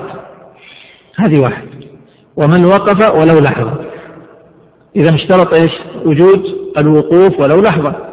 اثنين قال من فجر يوم عرفة إلى فجر يوم النحر هذا رقم اثنين. يعني إيش؟ وقف في الوقت المحدد. ثلاثة قال وهو أهل. هذا الثالث. أليس كذلك؟ ثم قال بعد ذلك المصنف وإلا فلا. يعني وإلا يعني وإن تخلف واحد من هذه الثلاثة. إذا ما هي الثلاثة؟ يعني وإن تخلف الأول لم يقف اثنين أي لم يقف بعرفة اثنين وقف في غير الوقت. ثلاثة وقف وليس أهلا. واضح الآن؟ هذا معنى وإلا فلا. طيب. فلا يعني فلا يصح. حجه أكمل يا شيخ. ومن وقف نهارا ودفع قبل الغروب ولم يعد قبله فعليه دم. نعم. لحظة يا إخوان يا إخوان الآن توزيع الأوراق يا شيخ يا عبد الرحمن. وزع الأوراق. الآن أنا الآن في أوراق تتوزع. هذه الأوراق التي توزع عليكم هي ناسخة لورقة البارحة. لأن اكتشفت ورقة البارحة أخطاء كتابات كتابة في كتابتها خطأ. وأضفنا عليها أشياء. فإذا خذوا يعني من رآها لا يقول عندي هذه الورقة يأخذ بدلها. والبارحة منسوخة. والناسخ يرفع المنسوخ. والمتأخر دائما ينسخ المتقدم. طيب أقرأ يا شيخ. تفضل. قال أكمل يا شيخ أنا معك ومن وقف نهارا ودفع قبل الغروب ولم يعد قبله فعليه دم. طيب مرت معنا هذه المسألة لماذا عليه دم؟ ترك واجب. لكن هنا وقفة. قول المصنف عليه رحمة الله ولم يعد قبله. ما معنى قبله؟ قبل الغروب. طيب. لم يعد قبله يعني قبل الغروب. يفهم من كلام المصنف أنه لو عاد بعد الغروب. معنى قوله ولم يعد قبله هذه هذا يخرج صورتين. الصورة الأولى أنه ما عاد مرة خرج قبل المغرب ولم يعد أصلا. فعليه الدم أم لا؟ عليه الدم. الصورة الثانية خرج قبل المغرب وعاد قبل الغروب. عليه الدم ولا لا؟ لا دم عليه. عاد قبل الغروب. أدرك. الثالثة خرج قبل المغرب وعاد بعد الغروب. عليه دم ولا لا؟ من فين أخذت أنه عليه دم؟ لأنه قال ولم يعد قبله يعني قبل الغروب. معناه يفهم منه إذا ما عاد بالمرة أو عاد بعد الغروب أنه إيش؟ عليه الدم هكذا. لكن قول المصنف هذا هو خلاف المذهب. والمذهب المذهب ولم يعد قبله أو قبل الفجر. معناه أن المذهب ولم يعد قبل الفجر. المذهب ما هو؟ ولم يعد قبل الفجر. واضح الآن المسألة؟ معناه عندهم على المذهب من خرج في النهار وعاد في النهار أو في الليل لا شيء عليه. وإن لم يعد بالكلية فإيش؟ فعليه الدم واضح هذا؟ إذا بس تنبيه إلى أنه كلام المصنف هذا هو قول لكن ليس هو المعتمد عند الحنابلة. الحنابلة يرون أنه إذا عاد في أي وقت خلاص يسقط عنه الوجوب يكون جمع بين الليل وبين النهار. طيب يا شيخ لكن ليش؟ ومن وقف ليلا فقط فلا يعني فلا دم عليه. ما نقول له تبقى للغروب لأنه ما أدرك الغروب أصلا دخل بعد غروب الشمس. أكمل يا شيخ. ثم يدفع بعد الغروب إلى مزدلفة بسكينة. نعم يدفع يعني ينفر ينصرف إلى مزدلفة بعد غروب الشمس. هذا لمن دخل نهارا بسكينة وهدوء. نعم. ومع هذه السكينة يسرع في الفجوة إذا وجد فجوة أسرع. نعم. ويجمع بها بين العشاءين. يجمع بين العشاءين. كلمة العشاءين تطلق عليه. كم عشاء؟ المغرب والعشاء. وهذا يسمونه التغليب باب التغليب. يغلبون يقولون القمران يقصدون الشمس والقمر ويقولون العمران يقصدون أبو بكر وعمر. تغلب واحد على الثاني. ولا يشترط أن الذي يغلب هو الأفضل. ليس هذا الشرط. طيب قال يجمع بين العشاءين. السؤال هل كل حاج يجمع بين العشاءين؟ هذا ظاهر كلام المصنف. أو لا يجمع إلا من جاز له الجامع معناه المسافر. واضح المسألة؟ المذهب ما هو؟ ذكرنا المسألة هذه. نعم. المذهب أنه خاص بالمسافر ومن يجوز له الجمع والقول الثاني وهو قول الموفق أنه لكل حاجة نعم. أكمل يا شيخ. ويبيت بها. يبيت بها أي بمزدلفة نعم. وله الدفع بعد نصف الليل. له الدفع يعني له الانصراف من مزدلفة بعد نصف الليل. لماذا؟ أليس المبيت واجب؟ ذكرناه في الواجبات؟ نعم. لكن المبيت الواجب عندهم يتحقق بإدراك منتصف الليل. فإن بقي إلى منتصف الليل انتهى منتصف الليل شرع في المنتصف الثاني خلاص الآن أدرك المبيت. ما ما تبقى سنة. أكمل يا شيخ. وقبله فيه دم. قبله يعني قبل نصف الليل فيه دم لأنه ما أدى الواجب وهو إدراك المبيت. ما أدرك المبيت معنا نعم. كوصوله إليها بعد الفجر لا قبله. يجمع في أي مكان. هذا الأفضل بس. إذا أدركه المغرب يجمع في أي مكان. كوصوله إليها بعد الفجر لا قبله. يعني يقول كوصوله يقول من دفع من مزدلفة قبل النصف قبل منتصف الليل مثل من وصل إليها بعد الفجر. كلهم عليه دم. لكن من وصل إليها قبله قال لا قبله. يعني لا من وصل إلى مزدلفة قبل الفجر. صورة ذلك هب أنه دفع من فين؟ دفع من فين؟ من عرفة. في زحام الطريق أخره فلم يصل إلا قبل الفجر بساعة. فبقي في مزدلفة هذه الساعة فأذن الفجر. هذا أدرك من المبيت كم؟ ساعة واحدة. فهل هذا عليه دم ولا ما عليه دم؟ ما عليه دم لأنه إدراك المبيت قلنا كيف إدراك المبيت عندهم؟ إدراك المبيت كالتالي إن دخل قبل منتصف الليل يبقى إلى المنتصف وإن دخل بعد المنتصف خلاص هو أدرك وقت المبيت. طيب أكمل. فإذا صلى الصبح أتى المشعر الحرام فيرقاه المشعر الحرام يطلق على مزدلفة يطلق على مزدلفة ويطلق أيضا على جبل في مزدلفة جبل صغير. يقال له مشعر الحرام فيرقاه. النبي صلى الله عليه وسلم جاءه ودعا عنده ووقف ودعا دعاء طويلا. أكمل أو يقف عنده ويحمد الله ويكبره. نعم. ويقرأ فإذا أخذتم من عرفات الآيتين هذا كله بعد صلاة الفجر. قال ويقرأ إذا أفضتم من عرفات. هذا ما ورد لكن يقيسونه على ما يقرأه عند الصفا. إن الصفا والمروة من شعائر الله. النبي صلى الله عليه وسلم قرأ هذا وقرأ هذه الآية هناك لكن ما قرأ هنا. نعم قالوها قياسا والظاهر لا داعي لهذا وإن كان مناسب للمكان لكنه ما دام أنه عبادة لا داعي لمثل هذا. نعم. ويدعو حتى يسفر يسفر يعني يظهر الضوء لكن ما تطلع الشمس. قبل طلوع الشمس ظهور الضوء قبل طلوع الشمس. نعم. فإذا بلغ محسرا أسرع رمية حجر. معناه أنه بعد ذلك ينصرف من مزدلفة بعد الضوء بعد ما يظهر ضوء ضوء النهار قبل شروق الشمس يدفع من مزدلفة. فإذا بلغ محسرا وقلنا محسر وادي بين مزدلفة ومنى هو حد بينهم. يقول إذا بلغ المحسر يسرع. يسرع. لماذا يسرع؟ عللوا ذلك قالوا هذا موضع عذاب. خلاف منهم من قال موضع عذاب بعضهم يقول لا هو ليس موضع عذاب. فقيل هو موضع عذاب عذاب من أصحاب الفيل حسر فيه الفيل فلذلك يسرع. وهذه سنة النبي صلى الله عليه وسلم إذا نزل في مكان فيه عذاب أسرع فيه. طيب قال يسرع قد آه، رمية حجر. ما معنى رمية حجر؟ رمية حجر ما هي؟ بالله أصمت. رمية حجر. رمية الحجر يقصد يسرع مسافة معينة قدرها رمية الحجر. رمية الحجر يقدرونها ب 500 ذراع يعني قرابة 240 متر أو نحوها. أكمل الشيخ وأخذ الحصى وعدده سبعون.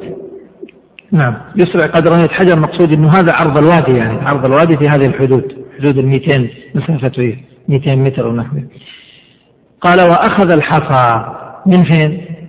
ظاهر كلامه الآن من فين؟ لا مو محسر انتهى من محسر خلاص من مزدلفة ها؟ هو المعنى يقول آه المعنى أنه عند قال وأخذ الحصى اكتب عندها من حيث شاء من أي مكان. يأخذ من مزدلفة يأخذ من منى يأخذ من أي مكان. وعدده سبعون يعني عدد الحصى الذي يحتاجه سبعون. فإن أخذ السبعين بها إن أخذ سبع لا حرج. اذا أخذ الحصى ليس له يعني سنة معينة. نعم. بين الحنة والبندق. هذا حجم الحصى التي يأخذها وهي في هذا الحجم. مثل الحمص؟ حمص معروف. وهي مثل يعني رأس ال ال رأس الإيش؟ الإصبع أو الأنملة نعم. إذا لا يرمي بكبيرة جدا لا تجزئ. ولو رمى بصغيرة جدا لا تجزئ. نعم. فإذا وصل إلى منى وهي من وادي محسر إلى جمرة العقبة. الآن ذكر الحد منى ما هي حدود منى قال تبدأ منى من وادي محسر. معنى وادي محسر داخل في منى أم لا؟ لا. لا يدخل. إلى جمرة العقبة. نهايتها جمرة العقبة. جمرة العقبة داخلة في منى أم لا؟ لا ليست داخلة. إذا ما بينهما؟ نعم. رماها بسبع حصيات متعاقبات يعني واحدة تلو الأخرى. يرمي سبع حصيات وراء بعض ما يرميها دفعة واحدة إنما يرمي سبع لأنه لو قال رماها بسبع حصيات قد يفهم أنها أنها ترمى هكذا دفعة واحدة ويصدق عليه أنه رمى سبع حصيات لكن قال متعاقبات يعني واحدة خلف الثانية. نعم. يرفع يده حتى يرى بياض إبطه يعني الأفضل في الرمي أن يرفع يده والمقصود الرمي يرفع أو ما رفع ما يضر لكنه إن رفع فهذا طيب. والمقصود أيضا أن لا يضع الحصى وضع الوضع لا يجزي لو أنه جاء جنب الجمرة ووضعها في الحوض هذا لم يرمي الرمي مقصود لابد أن يرميها. فإن رماها ما هو المجزئ من الرمي؟ المجزئ أن تصيب الشاخص البارز؟ لا المجزئ أن تقع في إيش؟ أن تقع في الحوض.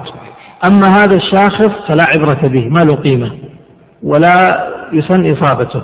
حتى لو ما أصاب الواجب هو أن يرمي الحصى فتقع في الدائرة تقع في الحوض. طيب هذا الشاخص ما فائدته؟ شاخص علامة بس علامة أنه هنا في جمرة. نعم. أكمل يا شيخ. ويكبر مع كل حصى نعم. يقول الله أكبر. ولا يجزئ الرمي بغيرها. يعني بغير الحصى. مثل إيش؟ لو رمى بمعدن أخذ قطعة حديد أو معادن صغيرة. نعم. أو جواهر. هكذا يقول أو جوهر يقول الفقهاء. من يرمي بجوهر؟ ما حد يرمي بجوهر لكن عموما إن رمى بشيء من مادة أخرى غير الحصى فلا يصح ذلك. نعم. ولا بها ثانيا. ولا بها ثانيا. هذه مسألة مبنية على أصل. لا يرمي بها ثانيا. ما معنى ثانيا؟ يعني الحصى إذا استعملها مرة لا يستعملها مرة ثانية. طيب من أين هذا؟ نعم. قياسا على المال المستعمل. ومسألة المال المستعمل كلها فيها نظر. كل أصل المسألة فيها نظر. لكن من قال بالمال المستعمل سلمنا له. له ذلك له حجة في المال المستعمل لكن الغريب أن من قال بالمال المستعمل هذا المذهب. بنوا عليه قياسات كثيرة غريبة. فقاسوا عليه مر معنا. مسألة إيش؟ التيمم. قالوا ما يتيمم بالتراب المستعمل.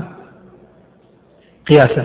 وقاسوا عليه الآن عندنا في مسألة الحصى لا يرمي بالحصى المستعمل وكل هذا فيه نظر والصحيح أنه يرمي بالمستعمل غير المستعمل والقياس هذا لا يسمى. طيب وبدأنا في الخروج عن ليش؟ إيه طيب تفضل ولا يقف يعني لا يقف بعد أن يرمي جمرة العقبة لأنه انتهت العبادة الآن. متى يقف؟ يقف إذا رمى الأولى والثانية لأنه ما زال هو بداخل العبادة. وهكذا فعل النبي صلى الله عليه وسلم هذه التعليلات لا قيمة لها. لكن هكذا فعل. النبي صلى الله عليه وسلم ما وقف أكمل يا شيخ ويقطع التلبية قبلها. يعني قبل رمي جمرة العقبة. نعم. ويرمي بعد طلوع الشمس. ندبا. هذا الأفضل. كما فعل عليه الصلاة والسلام. نعم. لكن يجزئ. ويجزئ بعد نصف الليل. إذا وقت الآن سننتقل إلى وقت الرمي. رمي جمرة العقبة متى؟ يقول يجزئ بعد منتصف الليل. معناته يبدأ الوقت من منتصف الليل اللي هو نهاية إجزاء المبيت. بعد منتصف الليل يبدأ الوقت. طيب يستمر إلى متى؟ على المذهب يستمر إلى متى؟ إلى غروب الشمس. إلى غروب الشمس. معنى كم ساعة؟ يعني من منتصف الليل إلى الفجر ويستمر من الفجر إلى غروب الشمس. فهمتوا؟ هذا هو هذا هو المذهب. لكن يعني سنستعجل المسألة الآن. إلى من إلى غروب الشمس معناه. القول الثاني وهو مذهب الشافعية وغير الشافعية وهو الذي نقوله نقول هو الصحيح ولا نملك أن نقول غير هذا في مثل هذه الأيام. أنه يستمر إلى الفجر. من وقت الرمي يستمر إلى الفجر. عموما المذهب إلى غروب الشمس أكمل يا شيخ. ويجزئ بعد نصف الليل ثم ينحر هديا إن كان معه. يعني كان معه هدي. سواء واجب أو مستحب. نعم. ويحلق أو يقصر من جميع شعره. يعني ثم يحلق أو يقصر من جميع شعره. يحلق شعره كله أو يقصر منه من جميعه. يعني يقص من جميع من جميع جهات رأسه. يقص من هنا ومن هنا ومن هنا من كل مكان. يقص من كل لا يشترط أن يقص من كل شعرة وإنما من جميع الرأس. قد تفوته كثير من الشعرات ما يقص منها شيء لا حرج. طيب إذا الترتيب الآن أصبح كيف؟ يرمي جمرة العقبة ثم ينحر الهدي ثم يحلق أو يقصر هذا الترتيب ليس واجب هذا هو الأفضل. فإن أخل بالترتيب لا شيء عليه. نعم. وتقصر منه المرأة أنملة. قدر أنملة. يعني قدر أنملة. المرأة كيف تقصر؟ تقصر؟ نعم تقصر. طيب تحلق؟ لا ما تحلق. الحلق لا ليس للنساء وإنما التقصير فقط. إذا قصرت المرأة تقصر تأخذ من ضفيرتها قدر الأنملة وهو رأس الإصبع. فقط. طيب أقل. نعم هذا الحد الأعلى. يعني لا تزيد. لكن تنقص عنه نعم يمكن أن تقل. إذا قدر أنملة اكتب عندها فأقل. لا يزيد. نعم أكمل يا شيخ. وقد حل له كل شيء إلى النساء. وقد حل له كل شيء يعني إذا فعل هذا إلا النساء. الآن نريد أن نرجع للملخص. أعطوني نسخة من هذا الذي معكم الملخص عندك؟ في نسخة زايدة؟ زايدة. إيه. انظروا في رقم 15 التحلل الأول. بإيش يحصل التحلل الأول؟ قال يحصل بفعل اثنين من ثلاثة. إذا رمى جمرة العقبة أو حلق وقصر أو قصر يعني أو طاف الإفاضة إذا فعل اثنين من هذه الثلاثة فهو بالخيار. الأفضل طبعا بالترتيب لكن لو أخل بالترتيب لا حرج. فإذا فعل اثنين من ثلاثة يكون قد تحلل التحلل الأول. المسألة الأولى كيف يعني اثنين من ثلاثة؟ يعني الآن عندنا ما هي الثلاثة هذا العقبة واحد. رمي العقبة. الثاني الحلق. الثالث طواف. فاثنين من ثلاثة قد إذا أراد أن يرتب معناه العقبة ثم الحلق. فإذا رمى العقبة ثم حلق رأسه أو قصر يكون حل التحلل الأول. أليس كذلك؟ طيب. قد لا يفعل هذا قد يرمي ويطوف. يكون تحلل التحلل الأول. طيب. قد يحلق ما يرمي يحلق ويطوف. يكون تحلل التحلل الأول. واضح المسألة طيب إذا تحلل التحلل الأول ما معنى ذلك؟ إذا قلنا تحلل الأول معناه نعود للمحظورات. المحظورات كم؟ تسعة. التحلل معناه عود. هذه المحظورات إلى الحل الأصلي إباحة المحظورات له. فالتحلل الأول يبيح له جزء من المحظورات والتحلل الثاني يبيح الجزء الأخير. المحظورات تسعة. فالتحلل الأول يبيح له من هذه التسعة ست. يبيح ستا. ست. وتبقى كم؟ تبقى ثلاث. طيب ما هي الست التي يبيحها التحلل الأول؟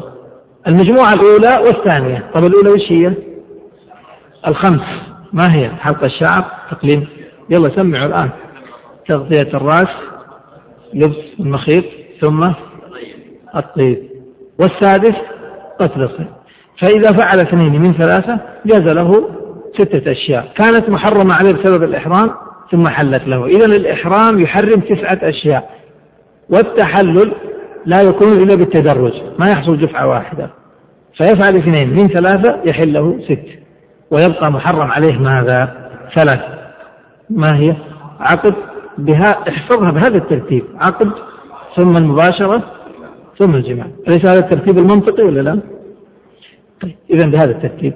هذه تبقى. معنى هذا الذي رمى جمرة العقبة ثم حلق رأسه. حل ولا ما حل؟ حل. ذهب إلى مكة وتزوج. عقد على امرأة. يصح عقده العقد باطل لا يصح لأنه ما تحلل من هذه الثلاث. طيب كيف يتحلل من الثلاث؟ انتقل إلى رقم 16 التحلل الأخير أو الثاني. يحصل بفعل إيش؟ الثالث. أليس هو تحلل الأول باثنين من ثلاثة؟ إذا يتحلل الأخير بفعل الثالث ويضاف إليه السعي سعي الحج. سواء إن كان ما سعى يسعى وإن كان سبق منه السعي فيكون قد تحلل. إذا صورة ذلك. سأضرب مثالين. المثال الأول شخص سعى أول ما جاء إلى مكة يوم التروية طاف للقدوم وسعى سعي الحج ثم ذهب إلى عرفة ثم مزدلفة ثم منى فرمى سمرة العقبة وحلق رأسه. الآن تحلل إيش؟ تحلل الأول. تحلل الأول. معناه باقي عليه كم؟ لا لا حل حل يعني يحرم عليه ماذا ثلاثة أشياء. طيب الآن إيش باقي عليه عشان يكون الطواف؟ الطواف السعي يبقى عليه؟ لا. لا هو قد سعى. فذهب إلى مكة فطاف. تحلل الإيش؟ الثاني. الصورة الثانية. شخص ما سعى. على طول من جدة إلى عرفة. ثم من عرفة إلى مزدلفة ثم من مزدلفة إلى منى ففي منى. رمى جمرة العقبة ثم حلق. كم يبقى عليه؟ يبقى عليه طواف وسعي. إذا يحصل التحلل الثاني أو الأخير بفعل الثالث بالإضافة إلى السعي إن لم يكن قد سعى وبهذا يكون قد حل له كل شيء. طيب إذا طاف وسعى ذهب الآن للمرأة التي يريد أن يعقد عليها. عقد عليها. صح العقد ولا ما صح؟ صح العقد. طيب. أكمل يا شيخ. والحلاق والتقصير نسك نعم. نسك يعني واجب. نسك يعني عبادة. وهو واجب الآن. فالحلق والتقصير نسك واجب في تركه دم. طب ليش المصنف يقول كذا؟ لماذا يقول الحلق والتقصير؟ يقصد يعني يشير إلى أنه ليس ب يعني نوع عبادة. هذا المقصود.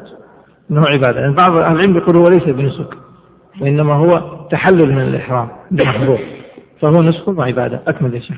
لا يلزم بتأخيره دم. لا يلزم بتأخيره عن أيام منى. اكتب هذا. عن أيام منى. دم. ليش؟ لأن الحلق والتقصير هل له يوم معين؟ زمن؟ ما ليس له زمان. لكن إيش اللي ينبني على تأخيره؟ هل يستطيع أن يتحلل؟ أسألكم الآن. هل يستطيع أن يتحلل الأول؟ يستطيع يتحلل الأول لكن هل يستطيع يتحلل الثاني؟ يستطيع الأول كيف؟ مثلا يطوف ويرمي العقبة تحلل الأول طيب باقي يتحلل الثاني لكي يتحلل الثاني إيش يحتاج؟ طيب هذا إنه راح ساعة يبقى هكذا نعم